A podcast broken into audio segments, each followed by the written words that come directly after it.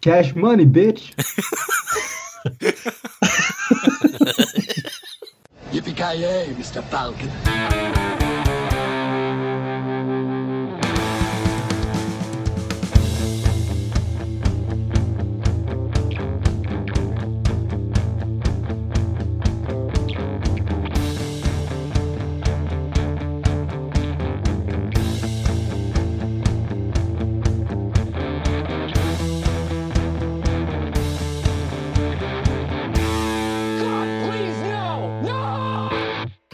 Jajamensan gott folk, hjärtligt välkomna till avsnitt nummer 64 av Creative Meltdown Podcast. Ni har med mig Kalle.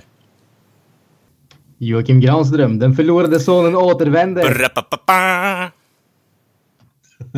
Äntligen. Och Kent. Jajamensan, och eh, ja, den här veckans avsnitt ska vi då diskutera lite om eh, vad Mr. The Monotone Man har varit upp till, till i Thailandslandskapet där.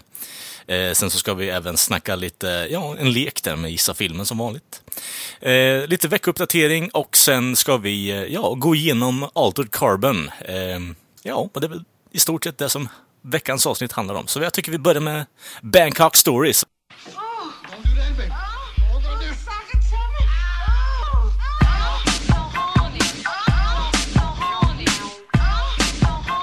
Vilka historier ska stanna där och vilka tar du med dig hit nu, Granström?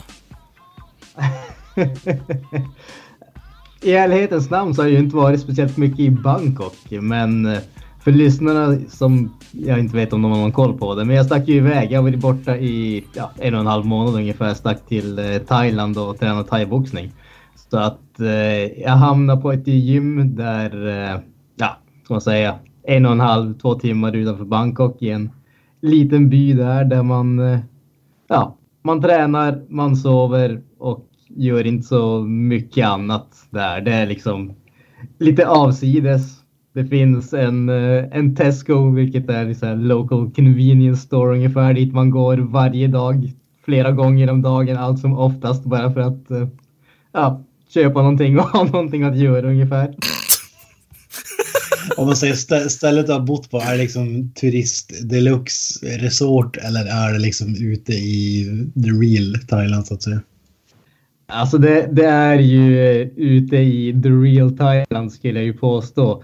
Sen är ju gymmet som jag har varit på nu, de har ju, har ju, de är ju vana att ha utlänningar som är där och tränar. Så att jag hade ju ett, om man säger, ett eget rum. Så att eh, jag hade ju en, eh, vad heter det, det var, ju- det var ju inte något jättelyxigt. Men jag menar det är ju en säng, det är en liten bänk, skrivbord vad man ska kalla det och så har du ett eh, ja, ett litet sånt där uh, badrum med en eh, vanlig toalett så att säga och en dusch som jag efter ungefär fem dagar fick veta hade varmvatten. Jaha. Ja. förra gången, jag var, jag var ju på gymmet tidigare, förra gången så hade jag inte varmvatten. Så att eh, jag reflekterade ju inte mer över det när jag kom dit. Jag tänkte att ja, det är fan bara att köra mina liksom 15 sekunders duschar. Sen, sen när vi satt och bara snackade med några andra som också var där och tränade efter, ja, efter något pass där i början så började de bara prata om varmvatten. Jag bara, va? Har ni varmvatten? Så en av dem sa, det har du med. Jag bara, What? Så att, eh, ja, då visade det sig att det är en sån här uh, liten varmvattengrej som man var tvungen att uh, slå på. Jag hade det var en liten strömknapp som var bredvid eh, lysknappen och eftersom jag slagit på lysknappen en gång och aldrig brytt mig om att slå av den så hade jag aldrig reflekterat över att det var en till knapp där. Så att jag, haft, eh, jag hade varmvatten som jag inte visste om att jag hade så jag hade gjort, gjort mina så här 15 sekunder, springa ut och in ur duschen, eh, duschen duschar så att säga.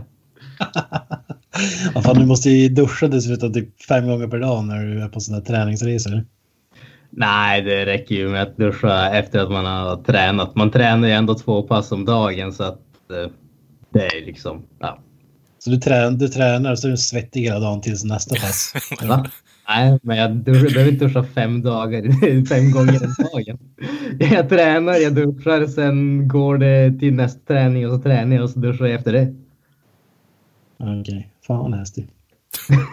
alltså, vad i helvete. Jag, för, jag föredrar att eh, ge min bio till alla som eh, har vett att uppskatta den.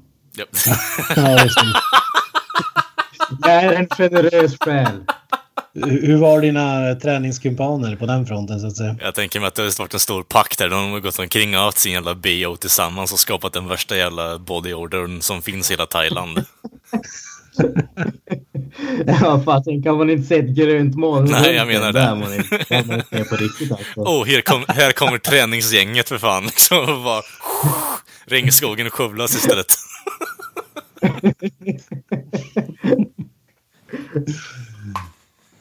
ja, Fy fan. Ja, ja, men vi vill, vi vill höra utanför träningsanläggningen. Du har ju käkat eh, larver, du har ju gjort allt möjligt jackass-skit. Ja. Du, du måste ju ha något mer att förtälja så att säga. Alltså, det är ett... Eh, vad ska man säga? Det vildaste om man säger så, det var ju nyår. Jag och eh, en drös av snubbarna från, eh, eller som också var och tränade där, var... Eh, vi stack in till Bangkok, tog in på hotell och eh, barhoppade under eh, nyårsaftonen. Så vi hann väl med en eh, fyra, fem eh, barer där och det blev, eh, låt oss säga, rejält blött. Att, eh, ja, bland annat. Eh, vi var bland annat in på den eh, classiest of the classiest stället Hooters i Ja. Bangkok. Mm. Oj, oj, oj. Ja, fy fasiken. Och om vi säger så här då. Alltså, något, på något sätt känns Thailand jävligt hooters alltså. På. Ja, ja. Det, det, är väl inte det första stället man tänker på med tanke på vad jag förmodar är anställningskravet.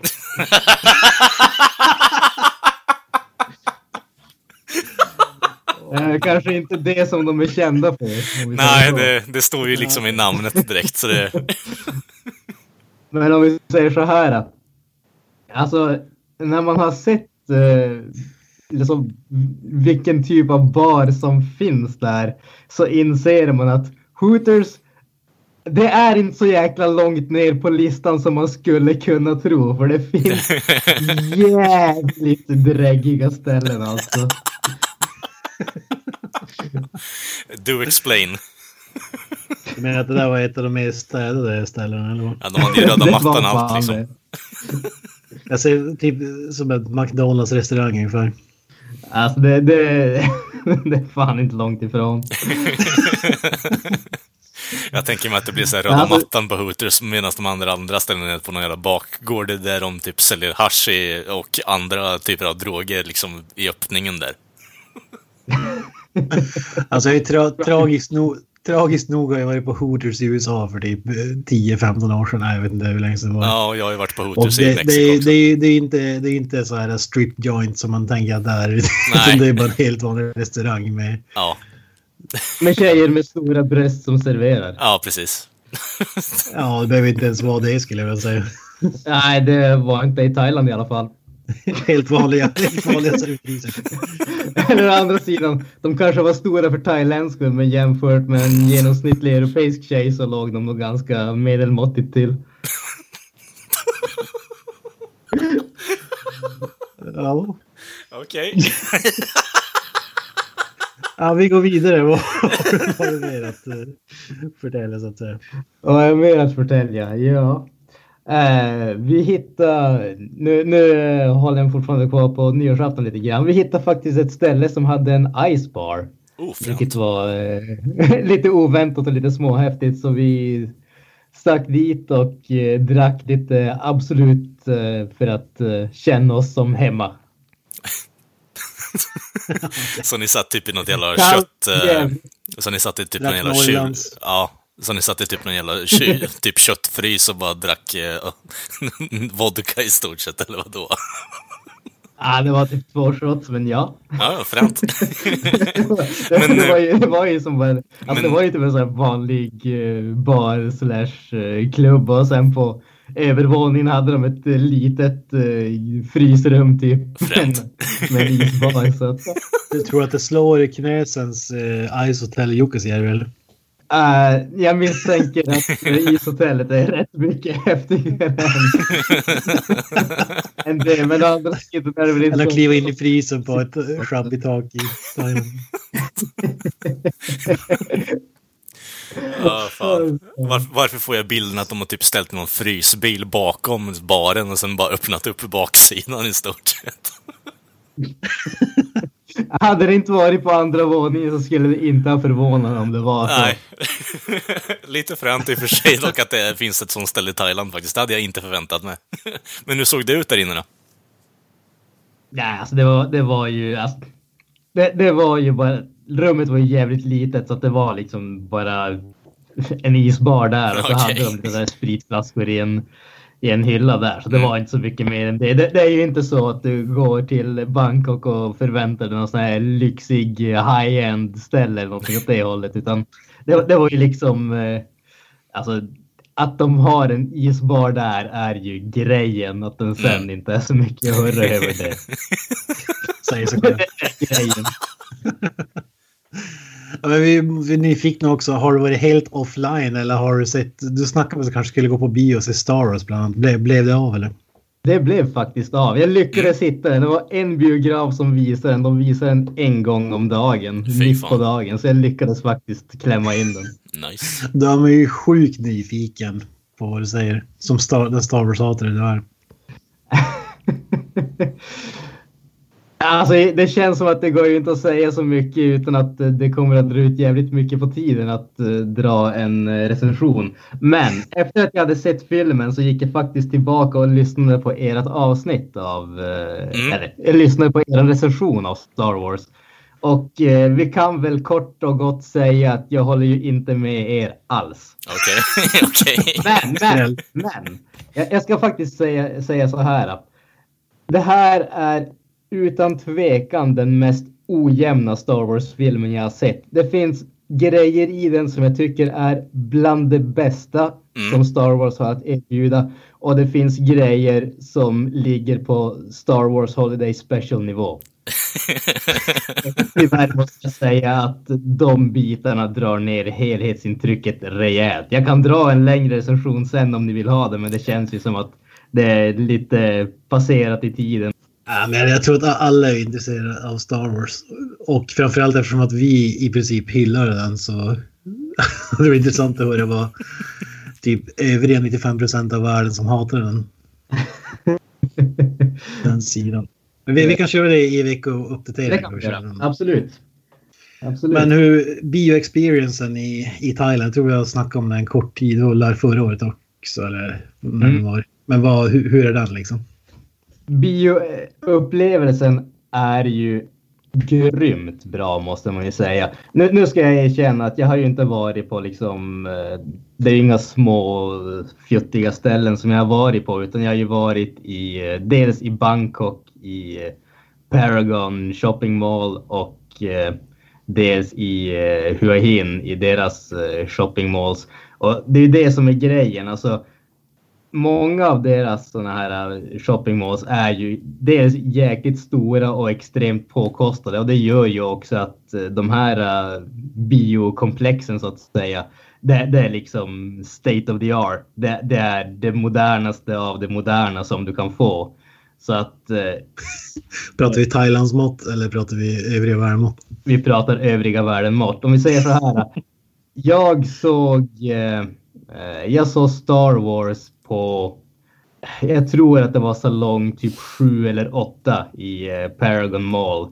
Och den duken, eller den eh, skärmen vad man ska kalla det, den var lika stor som Saga, den största i Pite. Och jag har ingen aning om det betyder att eh, liksom... Ja, men, ska vi jämföra med bion i Piteå? Vad fan? Ja, okej. Den, den duken är nog lika stor som någon annan som jag sett i övriga Sverige. Ja, Eh, lite kan, vi, kan vi komma till saken nu så att vi inte bara pratar omkring ämnet? eh, nej, så att eh, vad heter det? Den är ju bioupplevelsen i Thailand, åtminstone när det är en sån där modern shopping mall. Den är jävligt bra. Alltså den, den är bättre än i stort sett allting annat som jag har varit med om. Så att den är, den är grymt bra. Dessutom så är det ju riktigt, riktigt bra priser. Alltså jag tror jag betalar typ 200 baht för eh, Star Wars och det är, jag vet inte vad det var. Det är så mycket och det är liksom ja, 50 spänn eller någonting. Mm. Ja, det är ju ändå... rimligt pris. Men... Ja, exakt. Fy fan. Ja, kan ju diskuteras men. Jo, jo, men... det- För 50 den spänn för, filmen, alltså. Jo, men 50 spänn för att se på bio Ja. överlag är jävligt bra.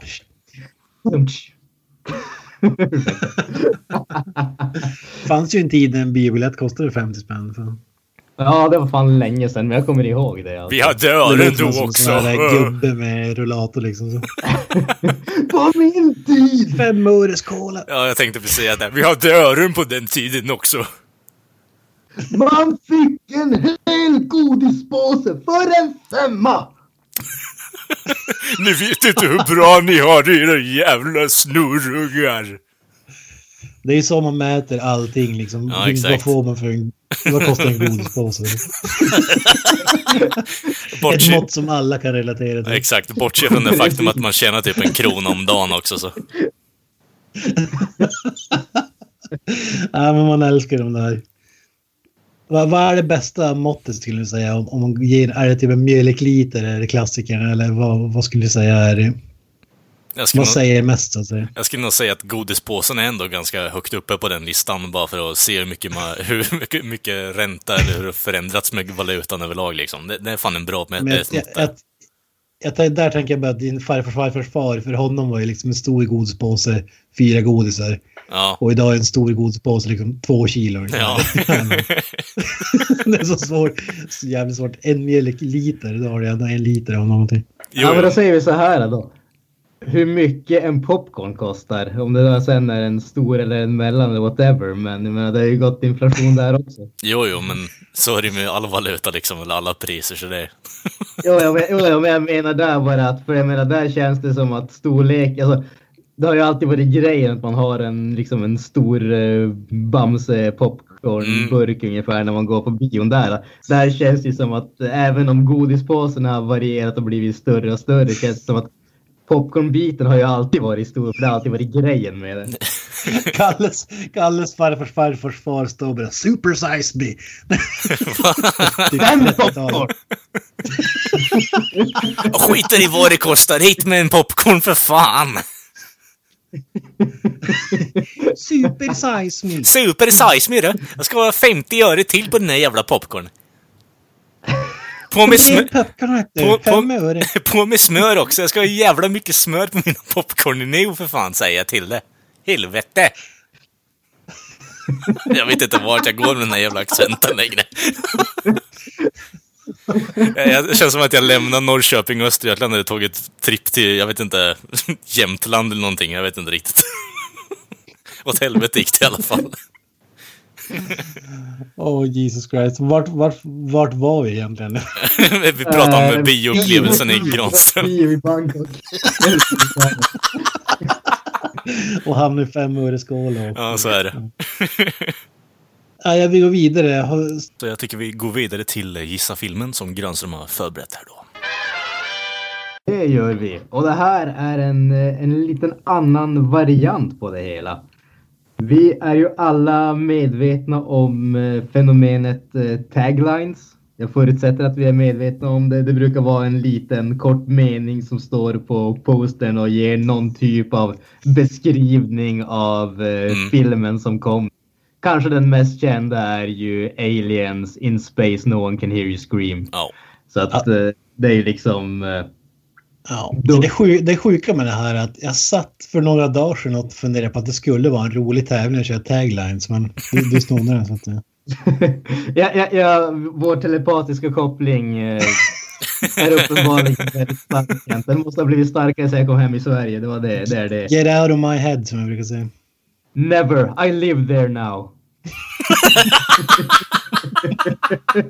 Alltså, the, in, the infliction on that sentence, alltså fucking beautiful. Men det här är inte en fråga om vilka taglines som är bäst, utan vilka som är sämst. Eller rättare sagt vilka filmer som har de sämsta taglinesen. Ah, självklart. Det här, är inte, ska, det här ska jag säga, det här är inte en lista som jag har tagit fram. Det är en lista från eh, screenrant.com. De har en lista med de tio sämsta taglinesen. Mhm. Så vi gör väl helt enkelt så att jag läser upp dem från 10 ner till 1 och eh, ni får gissa vilka filmer som de hör till.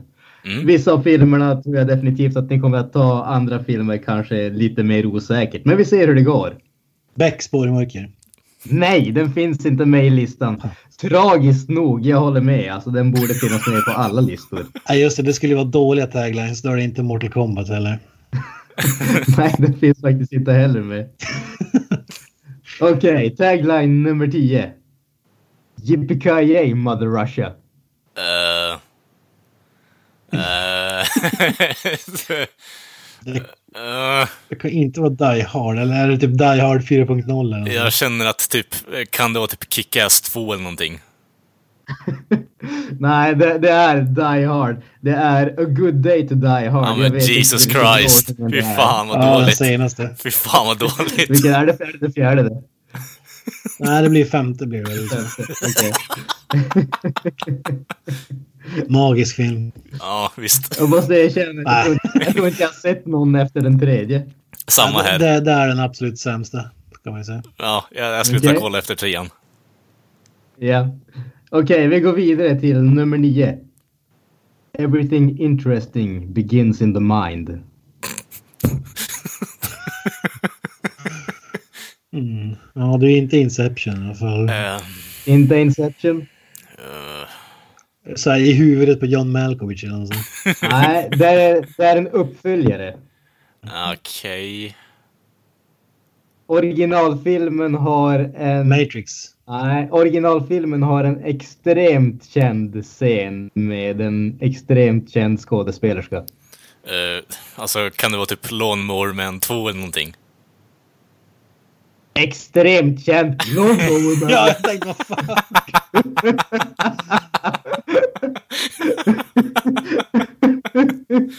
Ja, Pierce Brosnan blev för fan med i första filmen. Inte en jäkla aning. Ja, det kan nog stämma det.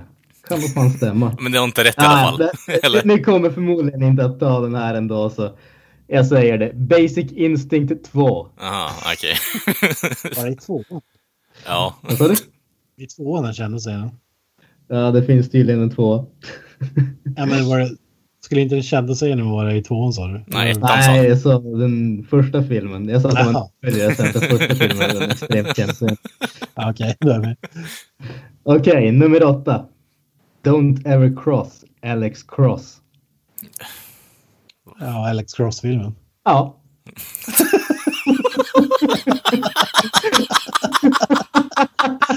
Ja, det där var sämst. Ja, för fan. Jag får, jag får kräks bara av det där alltså. Hur så jävla dåligt. Det är den sämsta hit. Eh, nummer sju. It's terrific. Okej. Japp, det är taglinen. It's terrific. Flubber. Nej, extremt känd film från väldigt länge sedan. Fantastiskt hyllad. Um, är det skräckfilm eller? Nej. Kille skräckfilm. Vet inte hur man har. Inte fan vet jag, jag bara chansar. Vad sa gränsen? Ja, um, uh, uh, uh, Citizen Kane. Yes. Jag, jag, tycker, alltså, jag tycker att fler, förstår inte vad som är så hemskt med det. Jag tycker att fler filmer borde ha taglines som är i princip en recension av filmen. Det är liksom Är klabbigt. det det den syftar på? Nej, ganska dålig. Med. ja, precis. Med. Och då är det det taglinen syftar på? Hur bra filmen är? Jag antar det, inte vet jag. jag, tror att fan, filmen släpptes 1941. De hade väl kanske inte fått grepp om taglines riktigt än. det känns mer som så här recensionscitat. Men whatever, gå vidare. Okej, nummer sex. Titans will clash. Clash of the Titans. Ja. Som att titeln inte är nog. Ja, det, det, det är liksom... Okej. Vi, vi, vi har titeln. Hur fasken ska vi komma på tagline? Skriv om. Vänd på orden. Ja, skriv bara om hela jävla meningen på samma sätt igen då. Skit samma, vi har inte tid för det här. Släpp ut skiten bara. Okej. Film nummer fem. Enter the world. Um, Wayne's World. Nope. Eh, typ Jurassic... Tydligt nyare. Eh, n- nej, kan det vara Jurassic Park? Nej. Nej. Tron. Nej, nyare. Eh, Tron Legacy. Det är en film som vi har hånat väldigt, väldigt, väldigt många gånger under den här podcasten. Inte idag, men alltså. Lord of the Rings.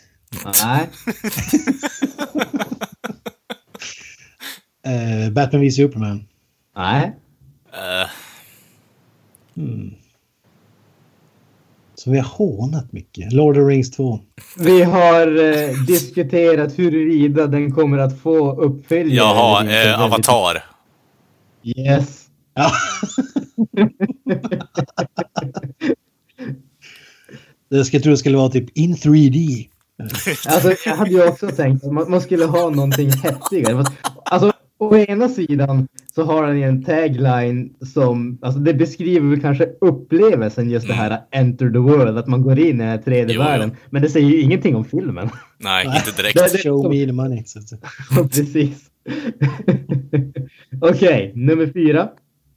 The man with the hat is back and this time he's bringing his dad. Den där känner jag igen. Eh, kan det vara Indiana Jones 3? Yes, Indiana Jones and the Last Crusade. The man in the hat. Ja, men den, den där har jag läst någon. Så jävla dåligt. Okej, film nummer tre. Jag kommer att bli fantastiskt överraskad om ni tar den här. The magic is back. Eh, Magic Might. två. Nej. Nej. The magic is back. Den har en tvåa i titeln. Jag kan ge er så mycket. Eh, too fast, too Die furious. 2. Det är inte Die Hard 2, men det är närmare än vad du tror. Bad Boys 2. Nej. Eh, kan det vara typ too fast, too furious? Nej. Okej. Gå, till, gå tillbaka till eh, Die Hard och tänk runt det. Um, Lethal Weapon 2. Yes! Fan, det var min nästa. The magic is back. The magic is back. För övrigt kan jag säga att Lethal Weapon 3 hade The magic is back again. Alltså, de hade ju kunnat göra det här till tvåan. Alltså, I'm too old for this shit. Hade ju varit en perfekt tagline.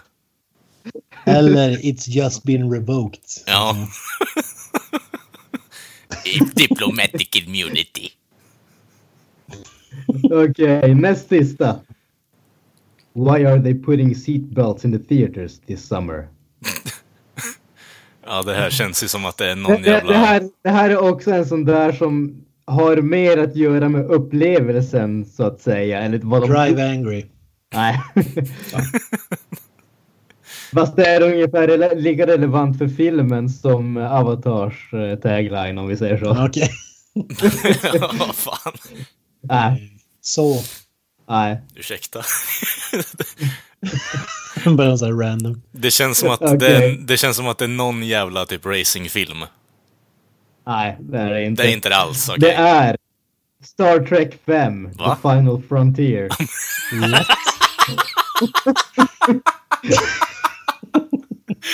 What? Okej.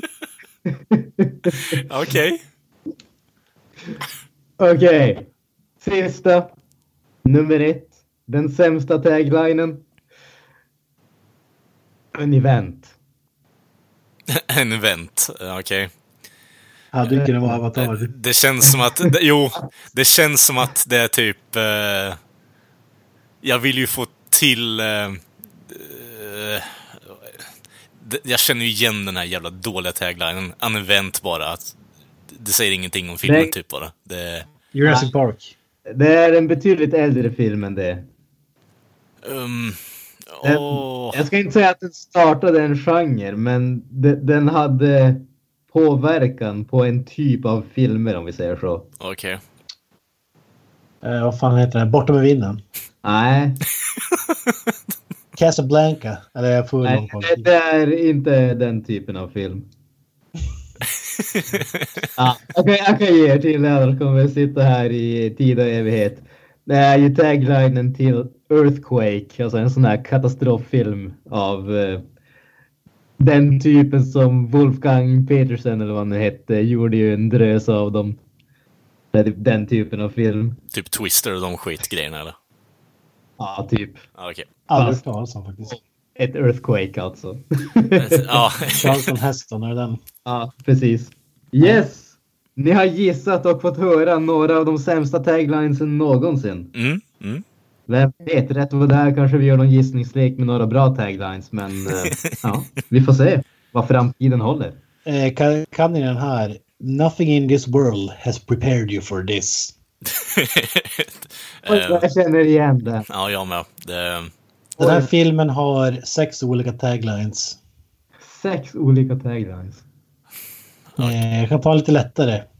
Kan det vara Hellboy 2 eller någonting sånt? Nej. Choose your destiny. ehm, Dungeons and Dragons. Nej. Va? Alltså det här är av- bland de bästa filmerna som har gjorts. ja, kan det vara Mortal Kombat då eller? Jajamän. Ja, så jävla... Det. Fan. Vet, en av taglinesen är Flawless Victory. Ja, men den var ju bättre fan. Ja, I alla fall.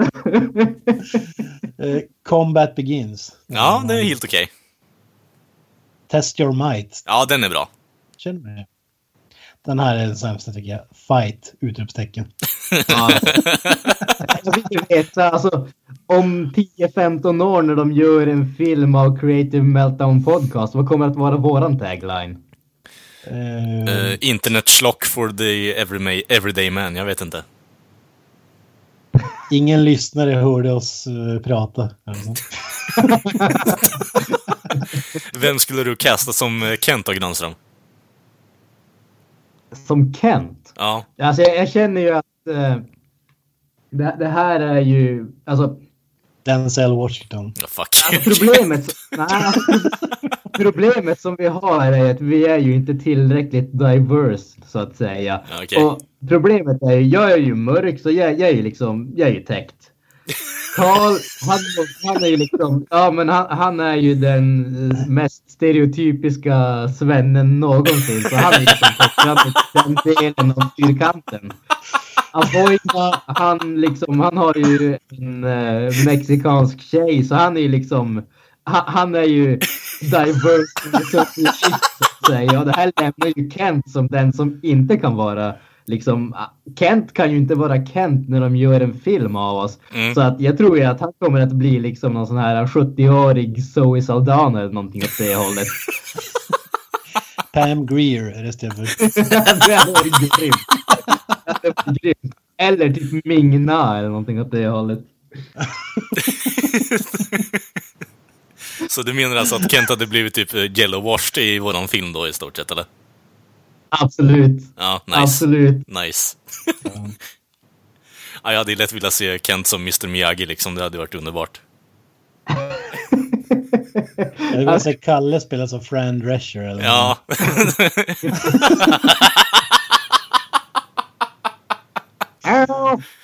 ja, för fan. Jag kan inte göra en sån nasalröst alltså, det går fan inte.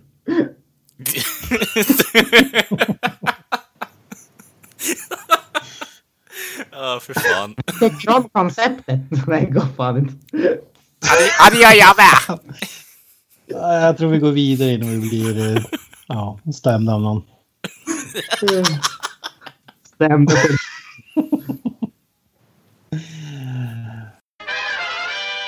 Vad har vi sett i veckan? Kalle, go. Eh, ja, jag har då gjort en eh, 2017 cleanup på film lite. Eh, så jag har då sett I don't feel at home in this world anymore med ja, Elijah Wood och hon, jag kommer inte ihåg vad fan hon heter, men hon spelar ju Rose i eh, Två och en halv män.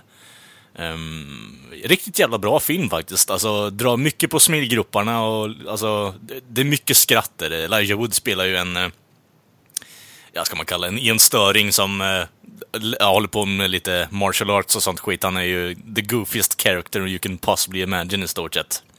Eh, men filmen eh, baseras ju på att eh, hon, eh, ja, som har huvudrollen, jag kommer inte ihåg hennes namn, vi, hon spelar Rose i Två och en halv män som sagt, men hon blir då bestulen på lite egendom och eh, jag försöker då leta upp den här egendomen och eh, ja, får inte riktigt eh, helt och hållet hjälp från polisen. Det, de bryr sig inte riktigt om att det är en små grej egentligen, men det visar sig vara en större grej i slutändan sen också. Och så spilar det ut i kontroll lite kring när de ska försöka, försöka få tillbaka de här grejerna då. Och eh, Elijah Wood som spelar hennes granne är ju då, eh, ja, the helping hand och försöker då vara schysst och hjälpa henne få tillbaka de här grejerna och eh, ja, hijinks ensues så att säga. Men eh, Eh, ångrar faktiskt lite att jag inte såg den eh, 2017 så att jag kunde sätta den på min eh, topp 5-lista där, för den hade fan, eh, den hade varit högt upp där hade den varit. Det är en riktigt jävla bra film faktiskt. Finns på Netflix också. Oj, oj, oj. Mm. oh, Jesus Christ. Mm. Men det är ingenting som ni har sett grabbar eller hört om eller? Jag har hört om den och jag har varit sugen på den men jag har inte, inte sett den. Mm, mm. Vad heter den sa du? Uh, I don't feel at home in this world anymore. Uh, lite så här utdragen titel, men det, ja, det, det är vad det är. Det, jag såg den ju typ eh, för några månader sedan och tänkte bara, okej, okay, fan, det här, kan inte, det här kan vara intressant att titta på, men jag vet inte, titeln är bara, nej, jag känner inte för det. Och sen så såg jag ju Red Letter Medias clean-up då, och då lämnade ju Jay där att han hade sett den och tyckte att den var riktigt jävla bra, så det, ja, då var jag ju som en trogen fanboy tvungen att kolla upp den här filmen.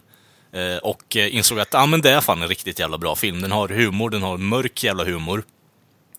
Eh, den har drama och den har spänning, så det är en riktigt jävla bra film. Och det är en av mina topp fem där på 2017, när jag förnyar min lista här nu. Men det, den jag sett den rekommenderar jag faktiskt starkt till alla lyssnare och er i podden, om ni inte redan har sett den faktiskt.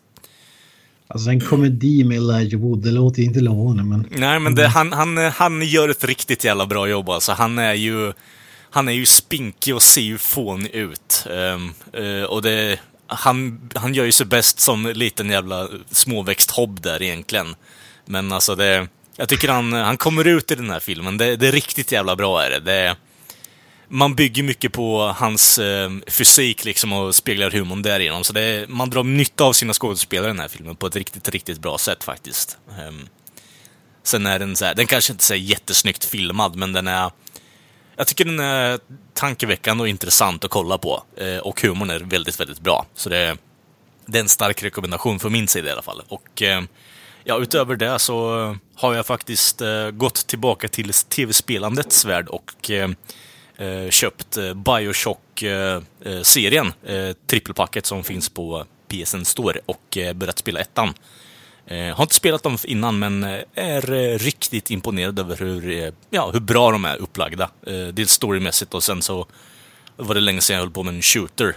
så mm, ja, det kommer bli att spela igenom de spelen. kommer bli. Har du spelat de spelen, Granström? Ja, det har jag gjort. Jag har spelat mm. alla tre. De är ju grymt, grymt bra. Så mm. att det är verkligen in for a treat så att säga. Mm. Både om man säger spelmekaniken är ju riktigt, riktigt bra, men sen är ju alltså handlingen och eh, hur välskriven eh, både karaktärerna och eh, ja, hela serien är egentligen är ju just när det kommer till tv-spel i alla fall så är de faktiskt riktigt, riktigt bra mm. i jämförelse med väldigt mycket annat som finns. Mm, mm. Eh, så det kommer jag plöja igenom. Sen så har jag även sneglat lite på Monster Hunter och kollat på det. Uh, ser jävligt intressant ut, men jag tror jag väntar lite med det faktiskt på grund av kostnaden på spelet för tillfället. Så det, det är i stort sett det jag har gjort den här veckan i alla fall. Så uh, Grönström kan ju få fortsätta. Det kan jag göra. Vi började ju som, snackt, som snabbast prata om Star Wars Episod 8 The Last Jedi under mitt Thailand-segment, så jag kan väl fortsätta där och dra min lilla recension på den. Mm. Som sagt, jag var ju inte så där överdrivet, eh, överdrivet imponerad om vi säger så. Jag måste säga att jag hade faktiskt väldigt höga förväntningar. Inte så mycket för att som sagt jag är inget Star Wars-fan, men däremot för att eh, Ryan Johnson har gjort eh, dels har han gjort några riktigt, riktigt bra avsnitt av eh, serien Breaking Bad. Mm. De avsnitten som han har gjort har väl allmänt blivit hyllade som några av seriens bästa. Och med tanke på kvaliteten på den serien så det säger någonting. Han har ju även gjort eh, lite filmer, bland annat eh, Brick och Looper. Jag har väl inte varit kanske riktigt lika imponerade eh, av de filmerna, men jag tycker inte att någon av dem är dåliga, utan de är, de är bra filmer även om de inte är exceptionella. Så att med det i bakgrunden hade jag faktiskt eh, ganska höga förhoppningar måste jag säga. Och, eh, Med det sagt så han har ändå inte gjort så jäkla mycket. nej, han har ju inte det. Han han har ju en resumé som är eh, med ta- alltså man måste ju säga att med tanke på hur stort Star Wars är, budgeterna som man pratar om och så. Det är jävligt modigt av Disney att bara ge det till en snubbe med så här kort resumé och bara säga nej du får skriva den och regissera den. Det är liksom, ja. Och här har du tre till. Ja precis, hur fan gick det till egentligen? Men, eh, men som sagt, som jag sa tidigare, jag tycker att filmen är extremt ojämn. Det bästa med filmen är ju tveklöst Luke slash Ray slash Kylo Ren. Alltså Mm. den handlingen, hur de interagerar med varandra, vad som händer där. Jag tycker att det är väldigt, väldigt intressant. Det är liksom en storyline som ger ett nytt djup till väl, dels karaktärerna men även till, om man säger, The Force och även, alltså, Mm. he, krasst sett hela Star Wars-universumet, hur det fungerar. Så att just den storyn, storylinen är ju fantastiskt bra tycker jag faktiskt. Och som sagt långt med god marginal det absolut bästa med filmen. Jag tycker att eh, skådespelarprestationerna från, från de tre är ju riktigt, riktigt bra. Jag måste ju säga att eh, Kylo Ren har ju gått från att vara liksom emo bitch i förra filmen till att vara en av de bästa karaktärerna i den här filmen. Så, vilket var typ det sista jag hade förväntat mig. Så att eh, den, bi- alltså, den delen av filmen är ju rejält, rejält bra. Men sen finns det ju en drös andra karaktärer som också måste vara med i filmen och det är ju där som filmen fallerar mer eller mindre totalt för mig. Jag tycker att eh, Poe Dameron, hans storyline och hans som man säger, jag vet inte vad man ska kalla det, rivalitet, men förhållandet som man har med General Holdo är, alltså den storylinen har ju potential för det, det finns mycket att göra där, men jag tycker att alltså de klantar ju till sig, eller Ryan Johnson klantar ju till sig fullständigt för Alltså de hade kunnat göra någonting att de hamnade i konflikt och man fick mer djup i liksom karaktärerna på samma sätt som Luke och Ray fick där. Men istället så baserar man hela deras konflikt på att båda två beter sig som idioter. Så att eh, det är liksom, det, det finns potential men de missar ju det fullständigt. Sen så vad heter det, Finn är ju definitivt den som drar det kortaste strået när det kommer till eh, handlingen. Alltså Oh ja. hans storyline om någon. Det känns ju som att någon gjorde en film och sen kom de på att oh, visst, vi hade en till karaktär som måste göra någonting. Och så liksom bara kastar de in han och gör en massa dataanimerade grejer så att liksom skådespelaren behöver inte vara där så speciellt mycket utan de kan ha dit honom i typ två dagar och sen så animerar de runt honom och liksom kastar in 45 minuter i filmen ungefär. Kort fråga där bara. Men Eh, Kort fråga bara. Du, vi har ju diskuterat det här innan också Kent, men eh, jag tänkte bara lägga iväg en fråga till dig Granström nu. Eh, det finns ju en scen i, i den här filmen då, för de som inte har sett, eh, spoiler alert på ett, eh, ungefär 40 sekunder där bara. Eh, jag tänkte bara, alltså, tycker att de borde ha dött där i så fall, när han eh, gjorde offringen där. Försökte göra göra det i alla fall. Jag tycker inte nödvändigtvis att han borde ha dött, men jag tycker att han borde ha fått göra sin uppoffring. Ja. Jag tycker att eh, alltså sättet som hon Rose eh, gör och hennes ursäkt eller anledning till varför hon gör det förstör, det tar, det tar Mm. ifrån så väldigt mycket Ja. från om man säger hela filmen krasst sett. Ja. Ja, det var eh, obegripligt moment. Ja, alltså hu- hur de, hur de lät den sekvensen, krasst sett, hur de lät hela Finns eh, handlingsbit vara med i den här filmen. Det känns, alltså, jag, jag förstår inte hur de tänkte för de har liksom, som sagt, de har Luke och Ray som gör det riktigt, riktigt bra. De har Poe som är, jag tycker inte att det är bra, men det finns potential där. Och sen har de Finns storyline som den skulle bokstavligt talat kunna vara hämtad ur det sämsta som vi hade från prequel-trilogin. Den ligger på den nivån. Ja, ja. Jag, jag, håller, jag håller med, men samtidigt jag, jag läste en intervju med Ryan Johnson då, och då, då förstår jag det mer. Men jag tycker ändå att den är helt värdelös med att under den här resan som går han från att vara liksom han vill sticka därifrån, han vill inte göra någonting. Mm. Till att han liksom inser att I'm a rebel. Alltså, men det, det, hela, som du säger, allting det är ju episod 1, 2, 3. När de åker till kasinoplaneten och så vidare. Alltså det är obegripligt. Alltså jag, först, jag tyckte däremot tyckte det var intressant det här med typ vapen, de som säljer vapen åt båda sidor och hela den biten. Men just själva djur, pita-delen, djurdelen mm. och kasinodelen var ju bedrövlig. Det var bland det sämsta i de nya Star Wars-filmerna tycker jag. Mm. Alltså jag tror, jag trodde, jag tror efter att ha sett prequel-trilogin trodde jag aldrig att jag någonsin skulle säga det här. Men jag hade fasiken velat se mer politisk intrig i den här filmen.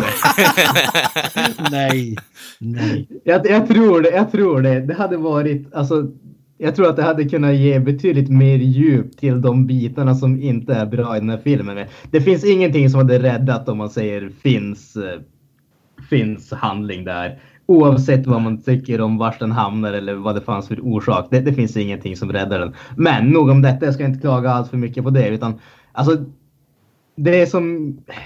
Det finns mycket som jag inte tycker om i den här filmen. Komedin är ju, om man säger, nästa, nästa bit. Mm.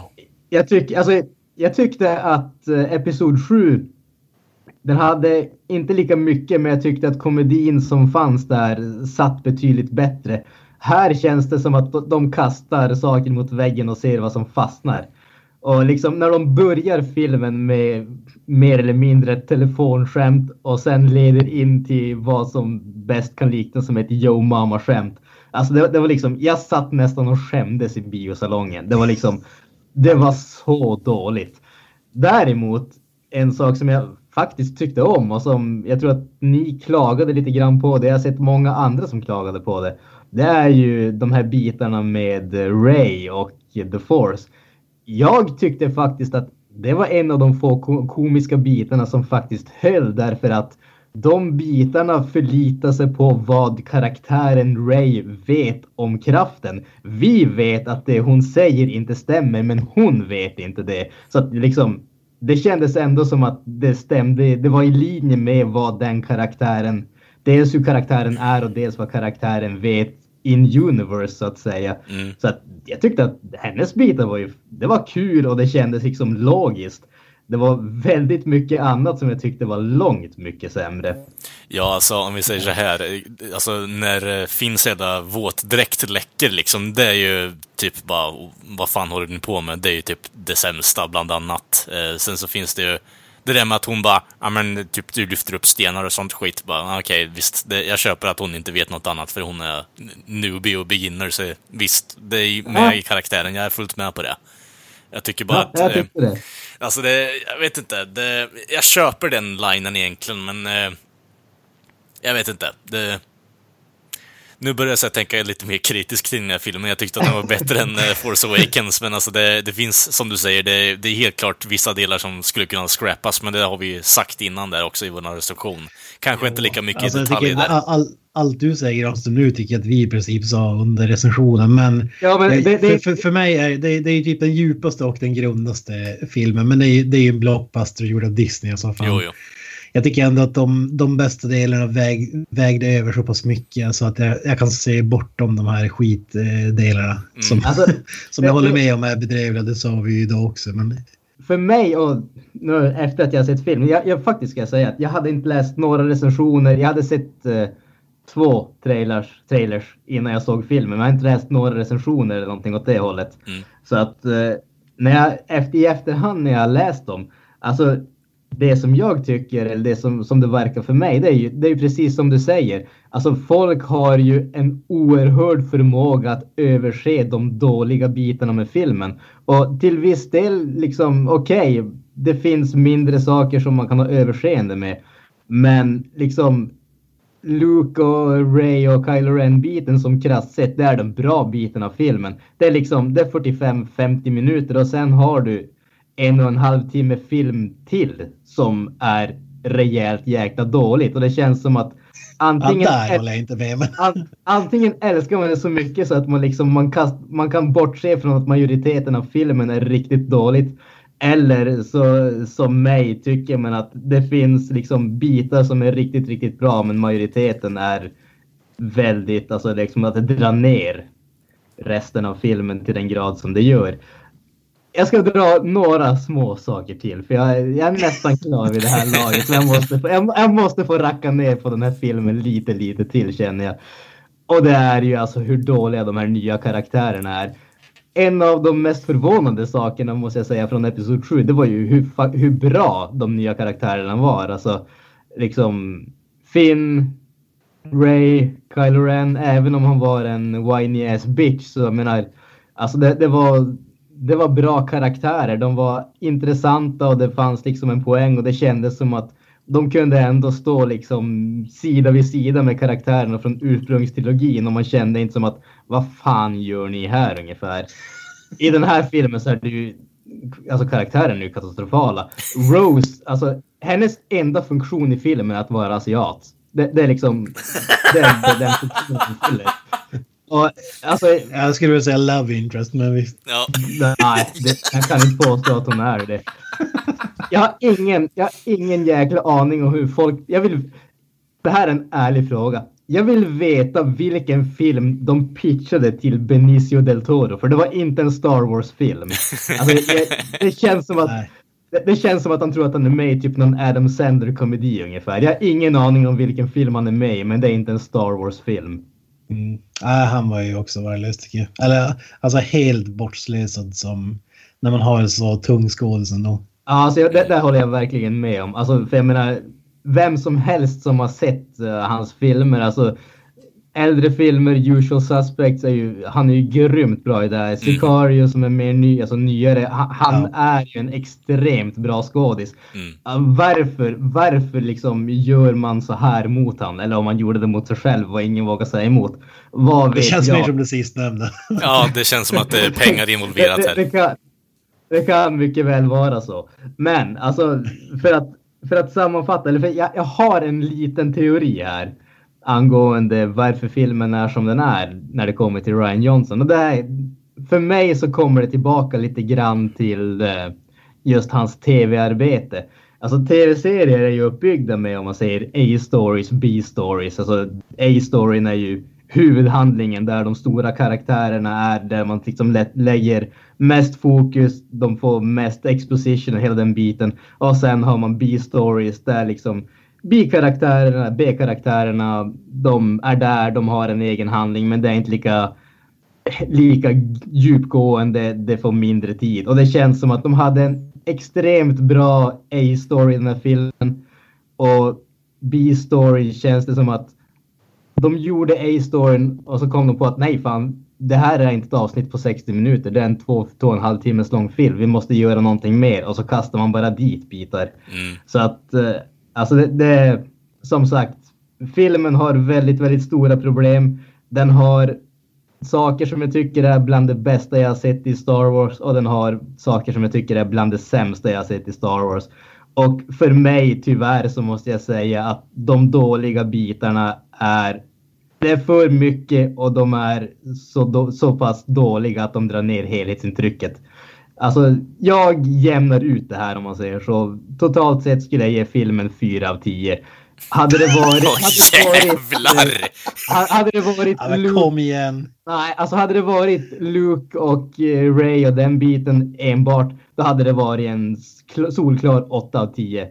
Hade liksom, problemet här är ju Code Emerald, det är tråkigt, det är potential som är dåligt och sen har du Finn som är alltså prequel nivå. Det, det, de drar ner filmen så pass djupt, tyvärr måste jag säga. Så att, nej, alltså jag, jag, jag, kan inte ge den mer än det. Jag hade, jag hade verkligen hoppats att det här skulle vara filmen som får mig från att vara ambivalent till att bli ett fan, men nej, nej, tyvärr. Jag bara undrar, eftersom att du hatat alla andra, vad var det med den här? Det kan ju inte vara bara Ryan Johnson, alltså, han har ju typ inte gjort någonting. Alltså, vad var det som gjorde att du fick upp förväntningarna så att säga? Nej, alltså det var, det var fan Ryan Johnson. Som sagt, alltså, när det kommer till... Som sagt, han har gjort... Inte, jag ska inte säga att det är fantastiskt bra filmer, men de är dels välgjorda och dels intressanta. Alltså det, han har ju skrivit uh, filmerna själv. Och han har ju om man säger, han har gjort intressanta grejer i de filmerna. Det är bara det att helheten har inte riktigt varit kanske fantastisk. Och det var det som jag liksom tänkte att ja, men nu liksom när han har fått den här, alltså, de, han måste ju ha haft en jävligt bra pitch. När han liksom går in till ett möte med The Suits at Disney så att säga och han, liksom den här uh, nobody från ingenstans mer eller mindre pitchar en Star Wars-film och de säger okej, okay, du får skriva den, du får regissera den och du har liksom en budget som är flera hundra miljoner. Han måste ju ha haft en jävligt bra pitch. På något sätt så tror jag att det var där, det var där jag vart påverkad och det var där jag fick mina förväntningar. Alltså att liksom, han var på något sätt så speciell att den här snubben som kom från ingenstans fick tyglarna till krasst sett den största entertainment-franchisen i hela världen. Och då känns det som att okej, okay, nu är det någonting speciellt som håller på att hända. Och vad jag fick var inte någonting speciellt utan det var faktiskt ganska dåligt. Ska vi gå vidare? Ja, din positiva vecka istället kanske? Ja, jag tar bara, jag har kikat på första avsnittet av Black Lightning, DC-serie. Eh, okay. Bland det sämsta jag sett. Stereotypiskt tråkigt indrama som man inte har någon aning vad man skulle göra med. Ja, fy fan, låter som Luke Cage. Karaktären känns, man skulle bara trycka ut en serie. Mm. Jag, jag, jag begriper mig inte på DC som det är samma Marvel har ju superlättsamma filmer och så ska de göra allvarliga serier och DC är tvärtom. Ja, inte i alla fall då, för båda sidor givetvis men filmerna är liksom dödsallvarliga och serierna är bara så här jag vet inte. Goof. Slack. Alltså. ja, det är typ Seventh Heaven blandat med jag vet inte. Okay. Bedrövligt. eh, ingen kommer inte fortsätta se skiten. Nice. eh, vi går vidare till Altered Carbon. Your body is not who you are. You shed it like a snake sheds its skin. We transfer the human consciousness between bodies to live eternal life. How long have I been down? 250 years. Ja, du som har sett klart då Kent, du får ju gärna dra en eh, sammanfattning om vad den här serien handlar om lite kort. Eh, ja, eh, Joel Kinnaman spelar då en karaktär som heter Decker. nej, förlåt. Eh, nej, men det här är då i en serie som går på Netflix för övrigt. Kommit ut en, nyligen, tio avsnitt, eh, ungefär en timmes långa. Och eh, Joel Kinnaman, vår svenska eh, superstar, eh, spelar huvudrollen då i, i en... Eh, ja, det är väl ingen överdrift att säga Blade Runner slash Ghost in the Shell-aktigt slash... Eh, ja, universum. Eh, Baserat in... på en bok för övrigt. Ja, eh, och det utspelar sig i framtiden där i princip som i Blade Runner med en liten twist. Eh, du har du har ditt medvetande, eller vad man ska kalla det, eh, är en liten hårddisk. Och så när din kropp dör kan du flytta över den hårddisken till nästa kropp. Och du kan liksom, vad säger man, regenerate kroppar och så vidare. Ja, precis. Eh, precis som i Blade Runner. Uh... filmerna så att säga. Så att den här filmen handlar ju då precis som Blade Runner, vad gör oss eh, mänskliga och när slutar vi bli mänskliga och eh, immortell om man är odödlig, dödlig och så vidare. Lite sådana teman. Och den här filmen handlar om Joel Kinnaman som har varit en gammal ja, rebellsoldat, gammal officer som väcks till liv efter är det två eller 300 år och ska utreda ett mord på en rik man. För det är givetvis de rika som styr mm. vilka som får de bästa kropparna och så vidare. Mr Kovacs. I didn't ask you to bring me back into this world. All I ask of you is that you solve a murder. Whose? Mine. Det är väl typ handlingen. Eh, jag har taglinen på den här serien också. Eh, Rock out with your cock out.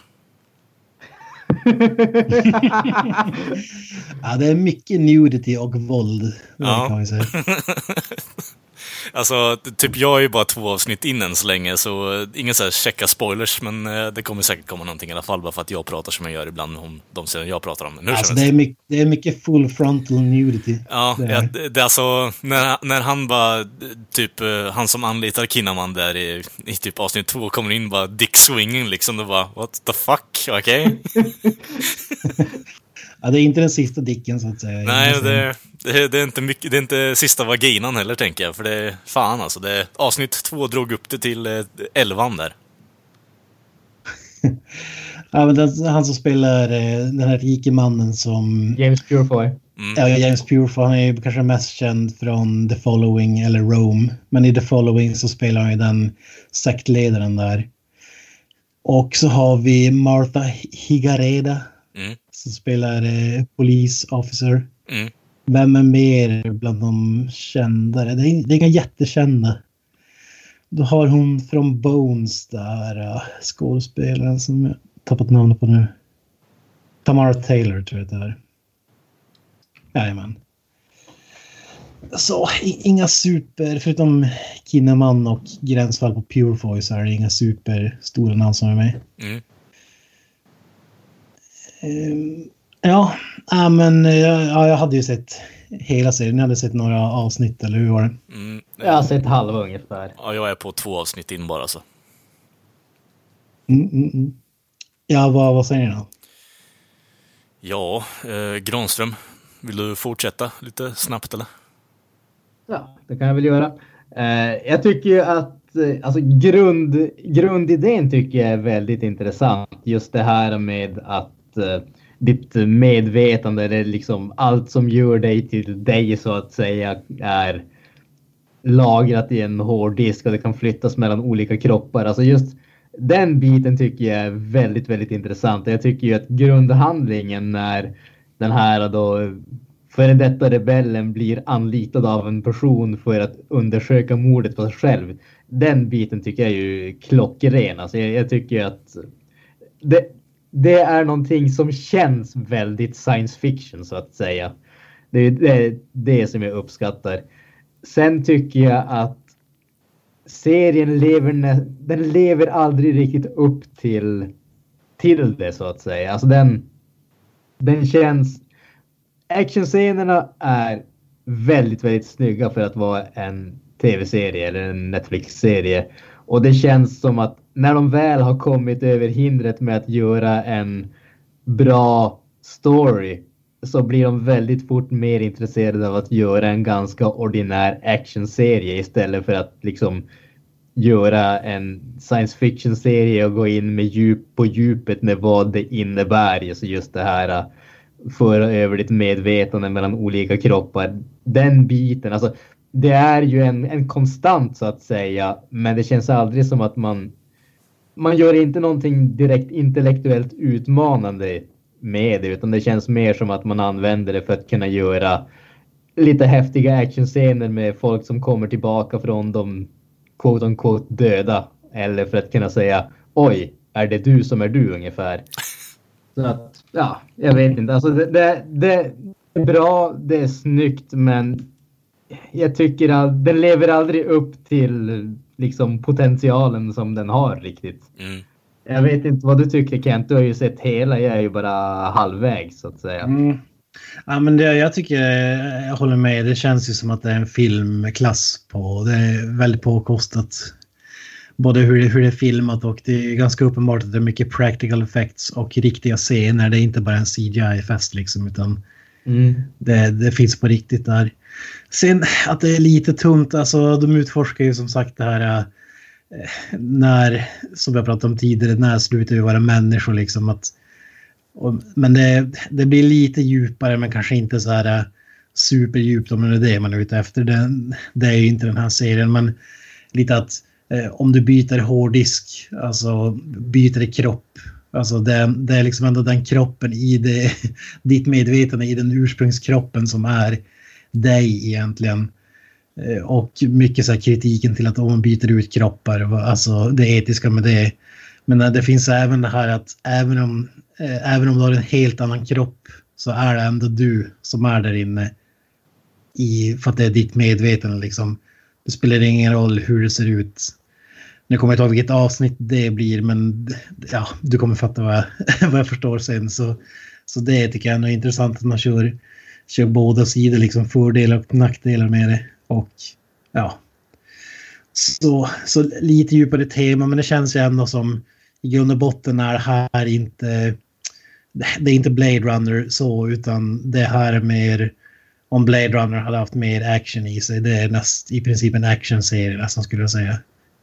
De, de utforskar ju de här ämnena och dilemman och etiska, etiska grejerna med framtiden och eh, ja, som sagt det här med vad som gör oss människor och så vidare. Men det är som inte det som är filmens... Det är aldrig fokuset på serien känns det Nej, precis. Utan det trots den avancerade settingen framtiden så är liksom, det, det gillar jag ändå att i grund och botten så handlar det om att utreda eh, det här mordet på...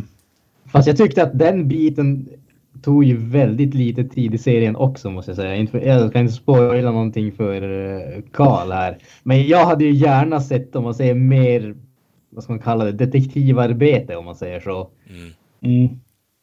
Ja men det, det tycker jag ändå man får och det payoff, du får en payoff i slutet också som jag, jag tycker ändå att det håller hela vägen. Att det finns vissa avsnitt, jag, kan, jag kommer inte ihåg exakt vilka, men som känns lite så här filleraktiga, som är lite sega till och från. Framförallt så här flashbacks eh, avsnitt och så vidare. Men jag tycker ändå att serien håller hela vägen. Och jag tycker att, jag tycker att den var, den var bra så att säga. Det är bra blandning. Det, det är inte för krångligt och det är inte för ytligt så att säga. Utan man håller ändå något fokus och sen givetvis det här med att du kan byta kropp. Det bäddar ju för twists och turns. Eh, det behöver jag inte. Det är ingen spoiler att säga det. det. Det, förstår man ju. Första linen i, i serien är ju typ som i alla sådana här filmer. Eh, Nothing is as it seems. Forget ja. everything you know. Alltså, det, ja. Ja, vad, vad säger du, Kalle? Alltså, jag var ju till nära på att alltså, inte fortsätta kolla efter avsnitt ett. Alltså, jag tyckte det var lite segt, eh, om jag ska vara fullt ärlig. Eh, värld, världen är intressant och, alltså, intressant och trevlig att titta på. Eh, konceptet som, både ni, som ni båda säger där med att byta kroppar och eh, undersöka sitt eget mord och liknande, eller den man är anställd av att undersöka hans mord, eh, finner jag intressant också. Det, som Granström säger, väldigt science fiction också, kan inget annat än hålla med. Eh, däremot så tyckte jag det tog lite segt för att komma igång. Eh, det som verkligen drog in mig är ju lite, jag...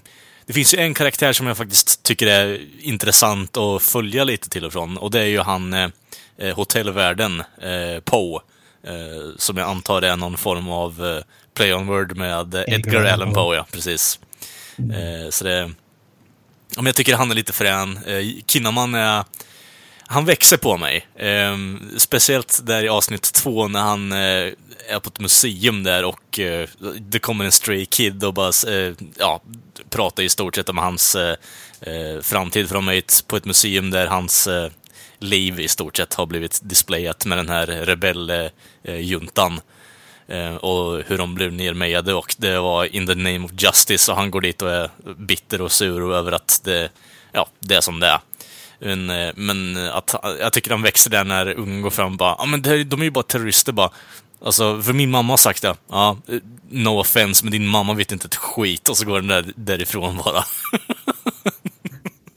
alltså, jag måste ju säga att uh, för min del tycker jag att Kinnaman är en av de svagare bitarna mm. i mhm. den här serien. Mm. Alltså, ja, alltså, jag, jag, han klickar inte för mig. Mm. Och det, alltså, jag tror att jag har, svår, jag har svårt att beskriva det. Det känns inte riktigt som att han, han gör någonting. Eller, det känns inte som att det är en dålig prestation. Men samtidigt så tycker jag att det känns aldrig som att han lyckas få mig att alltså, liksom bli engagerad med karaktären. Nej, det känns... Och till, viss del kan, till viss del kan det ju vara just den här grejen. Han säger ju det, jag vet inte om du har kommit till det, men han säger det senare i, i liksom, vad heter det, i serien att hans grej är att han bryr sig inte om någonting men han gör vad som helst för att få vad han vill ha ungefär. Ja. Och jag tror att det kan vara det som gör att jag känner mig lite distanserad från honom. Just det här att han känns aldrig speciellt intressant för vi har fått det vi behöver veta redan där. Mm, mm.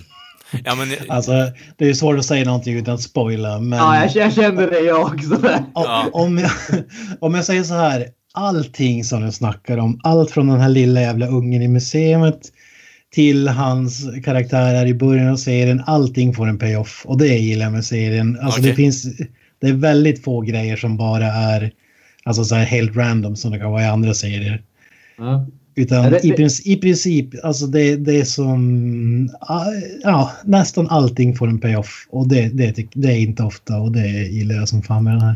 Det kan jag ju säga att det får mig definitivt att bli betydligt mer intresserad av att se resten av serien. För jag Mm. var som så här att visst, alltså, den är snygg att se på men jag, kan, jag känner mig inte så där jätteengagerad i den. Så jag var som Mm. lite halvt tveksam till om jag skulle fortsätta eller inte. Men om du säger att det, liksom, det finns en payoff i slutet på mer än bara själva grundhandlingen. Då känns det som att okej, då kanske det är värt det. Så att, vi får se nästa avsnitt kanske jag har en annan åsikt. Mm, mm. Ja, alltså det är en sån film där det, alltså mord, det handlar ju om mordet men det är inte det absolut viktigaste i början. Det finns ett bigger purpose så att säga. Mm. Sen kan man säga vad man vill. Jag, har sett slutet, jag ska inte spoila någonting men jag tycker att det hade kunnat stanna tidigare än vad det gjorde. Men jag, tycker ändå att det funkar som sista avsnitt. Jag tycker ändå att man känner, ja men det, jag köper det liksom. Mm, mm. Eh, men eh, någonting som jag skulle ha pratat om. Vi har ju, eh, han går omkring med en unicornväska. Mr Kinnaman. Okej. Och vi har ju Blade Runner. Ja. Unicorn-flashbacken. Mm, mm. Men jag tror att det här, jag har inte läst böckerna, kanske någonting i böckerna eller någonting, men jag tror att det är referens till Suicide Squad. Där de gör en skitstor grej av en unicorn. Okej. det?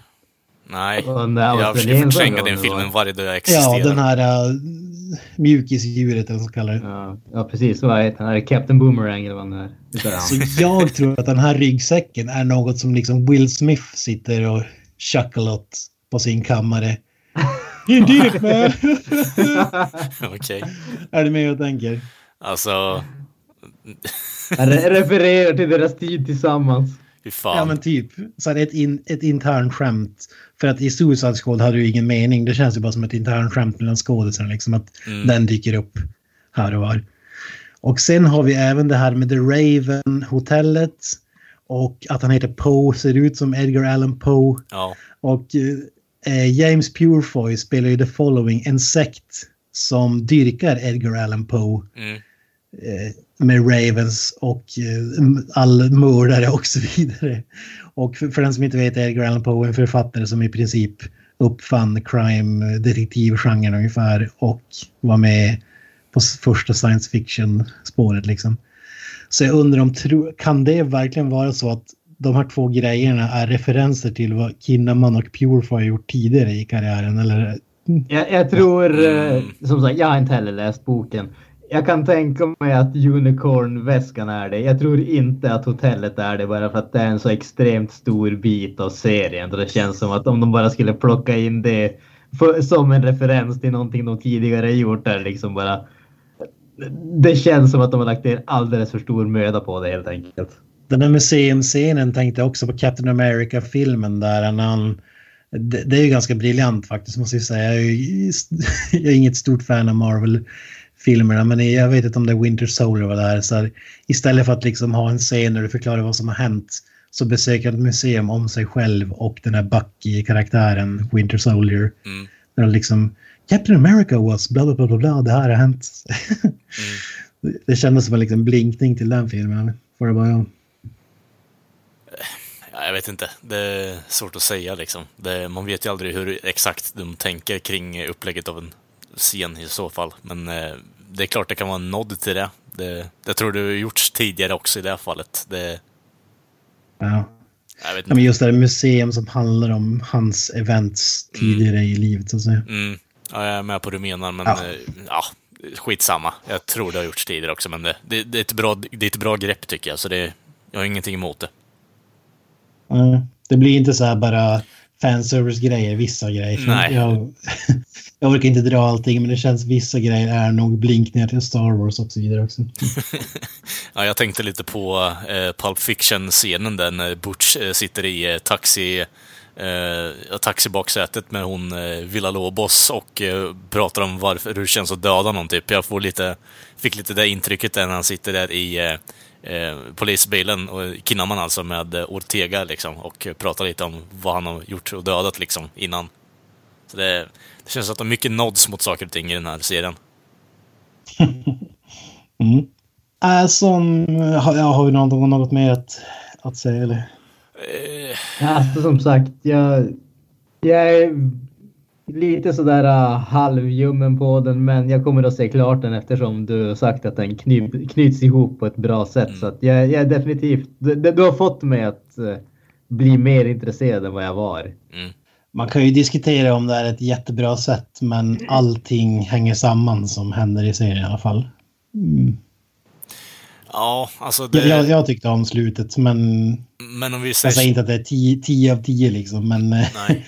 Det, det har sett betydligt sämre. Men om vi säger så här Kent, du har ju Dick Drudge hela, hela serien. Alltså, var det för att du tyckte om det från början, eller var det bara för att du kände att jag måste kolla klart på den här, eller vad, vad var det som fick dig att hålla kvar i scenen? För både jag och Grönström känner att det dig emot lite ärligt talat så var det mest jag skulle se klart innan vi skulle snacka, ja. snacka om det. Okay. Så, så äh, annars hade jag nog inte sett de sista fyra avsnitten kanske eller någonting. Äh,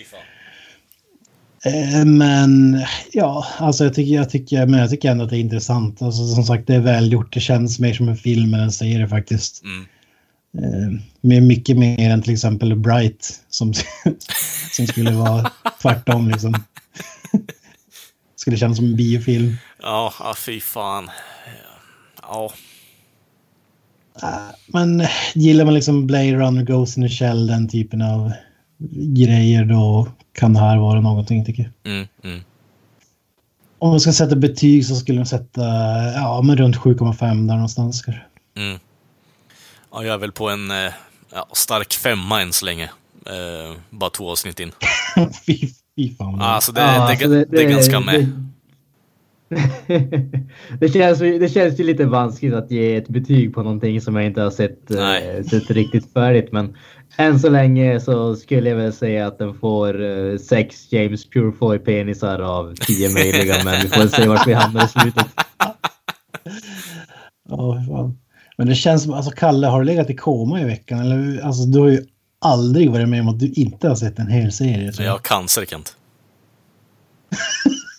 Nej, men jag, jag vet inte, jag har, eh, jag vet inte, det har bara, det har inte gått, eh, det har inte, har inte gått upp för mig att jag kanske ska kolla på någonting i veckan, men det, tänkte så här, ah, men fan vi ska prata om det här, jag kan kolla på två avsnitt i alla fall, se vad som händer. Och så blev det så här, det bar emot och så sket jag i, i typ. Mm. Men jag kommer inte alltså, upp det. Ärligt talat så har jag haft serien på i bakgrunden. Okej. en, en hel stund och sådär, men... Men eh, ja, jag tycker jag, tycker jag ser vad jag skulle, jag skulle rekommendera den om någon mm. frågar Alltså, det känns som att den... Jag, jag gillar för övrigt Kinnaman, jag tycker att han är riktigt bra. Mm, alltså, han... Jag är ju bara två avsnitt in så jag kan inte säga så mycket, men jag tycker från, han har ju växt från första avsnittet i alla fall, men eh, det känns ju lite som att, eh, om det Granström stämmer, eh, som man säger, att det blir inte mycket mer så här engaging på den karaktären med tanke på att han spelar ganska typ känslolöst. Eh, och sen baseras karaktären på att eh, det är mycket så här känslomässigt eh, omtumlande som har hänt honom runt omkring sig. Liksom, det hela rebellion-skiten, alltså det är dödad och betrodd, alltså ja, fucking allting. Det känns som att det borde vara lite mer känsla i karaktären i det här fallet, men ja, vi får se lite vad som händer. Jag tror att han, jag tror det är meningen också att liksom han i början av filmen ska vara liksom stenhård bara mm. som ett skala robot eller soldaten som kallar det. Jo, jo, men... Precis som i den här uh, serien som du tog killade, uh, vad fan heter den nu, med ungdomarna där. End of the fucking world. Okej, okay, ja. li, li, lite så är ju den här serien om man säger. Okej, okay, ja, men vi får som sagt se, jag är ju bara två avsnitt in så jag ska inte tokpissa på den redan från början. Utan jag ska ju ge den en chans. En, ja, en snackis med den här, det har ju varit hans superkropp som de kallar den. Ja, jag tänkte det också. Det... Och man kan ju lugnt säga att han har gymmat en hel del. Eh, en hel del, ja. ja. Eh, alltså, jag, jag tänker mig att han har, ju inte, han har ju säkert legat i typ Thailandspass han också. För fy fan vilka jävla abs. Alltså det, det, är sjukt, det är så sjukt svårt att få när du är sådär lång. Han är 1,89 lång tror jag. Ja, Jäklar. Att bli sådär deffad, det brukar ju bara vara liksom Stallone och sån här som är 1,65 ungefär. och, Alltså som, och steroider. Ja. ja, det säger inget om, men Alltså, Det är de, ju- de blir ju aldrig så där grova så att säga. Det är Nej. det som är grejen. Mm. nej, precis. Du har inte lika korta, det är ju mycket längre muskler och så vidare, så det blir inte samma, Mm. du kan inte få samma... Du får inte samma volym. Nej, precis. Nej, men det är dedikering bakom de där jävla musklerna i alla fall. Det, det ser man ju. Det är slitigt som en tok. Ja. Någonting jag störde på med den serien, det var ju poliskaraktären som är liksom 1,40 lång, väger 35 kilo, sparkar in dörrar och spöar upp skurkar liksom. Ja, Det var Ja. kanske åt andra hållet, jag vet inte. jag tänkte, alltså, det är ingen spoiler, men det finns ju en scen när de kör tränings... eh, Men montage där hon och hans... eh, Hon och hennes partner där i eh, gymmet på polisgrejen. Och han är ju typ ja, 30 centimeter högre och något kraftigare i och för sig, men alltså... Hon tar ju ner honom som ingenting. Det, ja, okej, bara kändes lite halvdant. Alltså när, när jag såg det, och jag vet inte om det bara är min, vad heter det, bara för att jag är kampsportare, det som jag reagerar på det är att hon slår ju på mittsarna och sen typ slår hon på han bara Ja, helt utan Ja, i magen. Ja, Som Det en jävla... kändes ju jävligt oschysst. va? What the fuck. Ja. Hade jag Ja, gjort det- på en träning då hade jag fått en käftsmäll med en gång. Ja, man hade ju inte, man hade ju inte haft lätt att hitta liksom mittshållare om man säger så. Ja, Jesus Christ. Ja, nej. Ja, det var ju jäkligt. Det, det förstår jag inte alls faktiskt. Nej. Men min favoritscen är när hon sparkar in en dörr och så har hon så korta ben som knappt för upp benen liksom och ändå smäller det till. Ja. En av förresten, inte för att det har någonting med det att göra, men en av de grejerna som gjorde mig glad i den här filmen, det är ju att eh, vi fick se Byron Mann i en, en liten roll där också. Det är ju Ryu från Street Fighter. ja, ja, ja, ja. Han är ju slags eh, originalkropp. Det är liksom, han, är en sån där snubbe som... Ja, av någon anledning blir jag alltid glad när jag ser han. Han var, liksom, han var ju med i de tidiga säsongerna av Arrow också. Jag bara, ja! Äntligen han! Liksom, av någon anledning så blir jag bara glad när jag ser han. Det är så här, han, förtjänar, han förtjänar att vara med i grejer. ja magisk skådis. Ja, underbart. Äh, vad fan hände med honom egentligen? Jag har typ inte sett honom i något annat än Street Fighter. Ja, alltså, jag vet inte fasiken vad han, har- Kan vi få höra ett, vad han eh, har hållit på. kan vi få höra ett Guile-quote där, Kent? Eller? That son of a bitch Bison's ass so hard!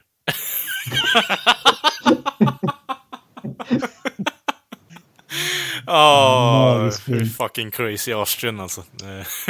Eh, hade ju poster, filmposter eller den filmen upphängt i mitt eh, pojkrum så att säga. ja, det, det, är dedikering, Jäklar. det är dedikering det. alltså. Kylie Minogue. Ja, fy fan. Kylie Minogue. Hon var ju magisk i den filmen. Jesus Christ. Ja, äh, har vi något mer att säga än uh, hatten av Ryu så att säga? Um, nej, jag känner mig nöjd om inte annat annat. I'm good man. You're good, you're good. So good man. So good man. Men som sagt, tack för att ni har lyssnat på åter ett avsnitt av Greater Melta Podcast. Eh, ja, ni hittar jag som eh, sagt på sociala medier som Facebook, Twitter, Instagram, eh, YouTube och Spotify. Allt ni behöver göra då, gott folk, är och söka på Creative Meltdown Podcast i sökfältet där. Eh, vill ni mejla oss så har ni den mejladressen och länken på Facebook-sidan. Allt ni behöver göra då, gott folk, är att eh, ja, klicka på den här blåa länken. Det står mejla nu eller mail now beroende på vilket språk ni har då. Kanske inte förstår då om ni, när jag pratar svenska här nu, men skitsamma. Genom den länken då kan ni skicka lite kärleksbrev, hatbrev, eh, mjältbrandsbrev, eh, eh, diskussionsbrev, jag hatar er brev, ni tänker som idioter, brev, jag vet inte, allting, eh, allting välkomnas i den här podden. Vi är öppen för diskussioner. Tomma brev. Ja, den med. Eh, in- Spam-mail. in- ja, inte spam-mail kanske, det, det blir lite för mycket där. Hålla på med att typ... Fysiskt. Vi- Med mjältbrand, okej. Ja, mjältbrand är okej, för det ligger lite- lite kärlek och- eller hat bakom det, så då har man inte brytt sig. Spam är ju bara eh, skicka iväg här, jag ska scamma er och tjäna pengar på er i stort sett. Det tycker jag inte om. Så länge det är känslomässigt relaterat så är det okej. createmelt.wordpress.com heter det hemsidan, bara för de som var intresserade. Tack och adjö och så hörs vi igen nästa vecka. That's it, man. Game over.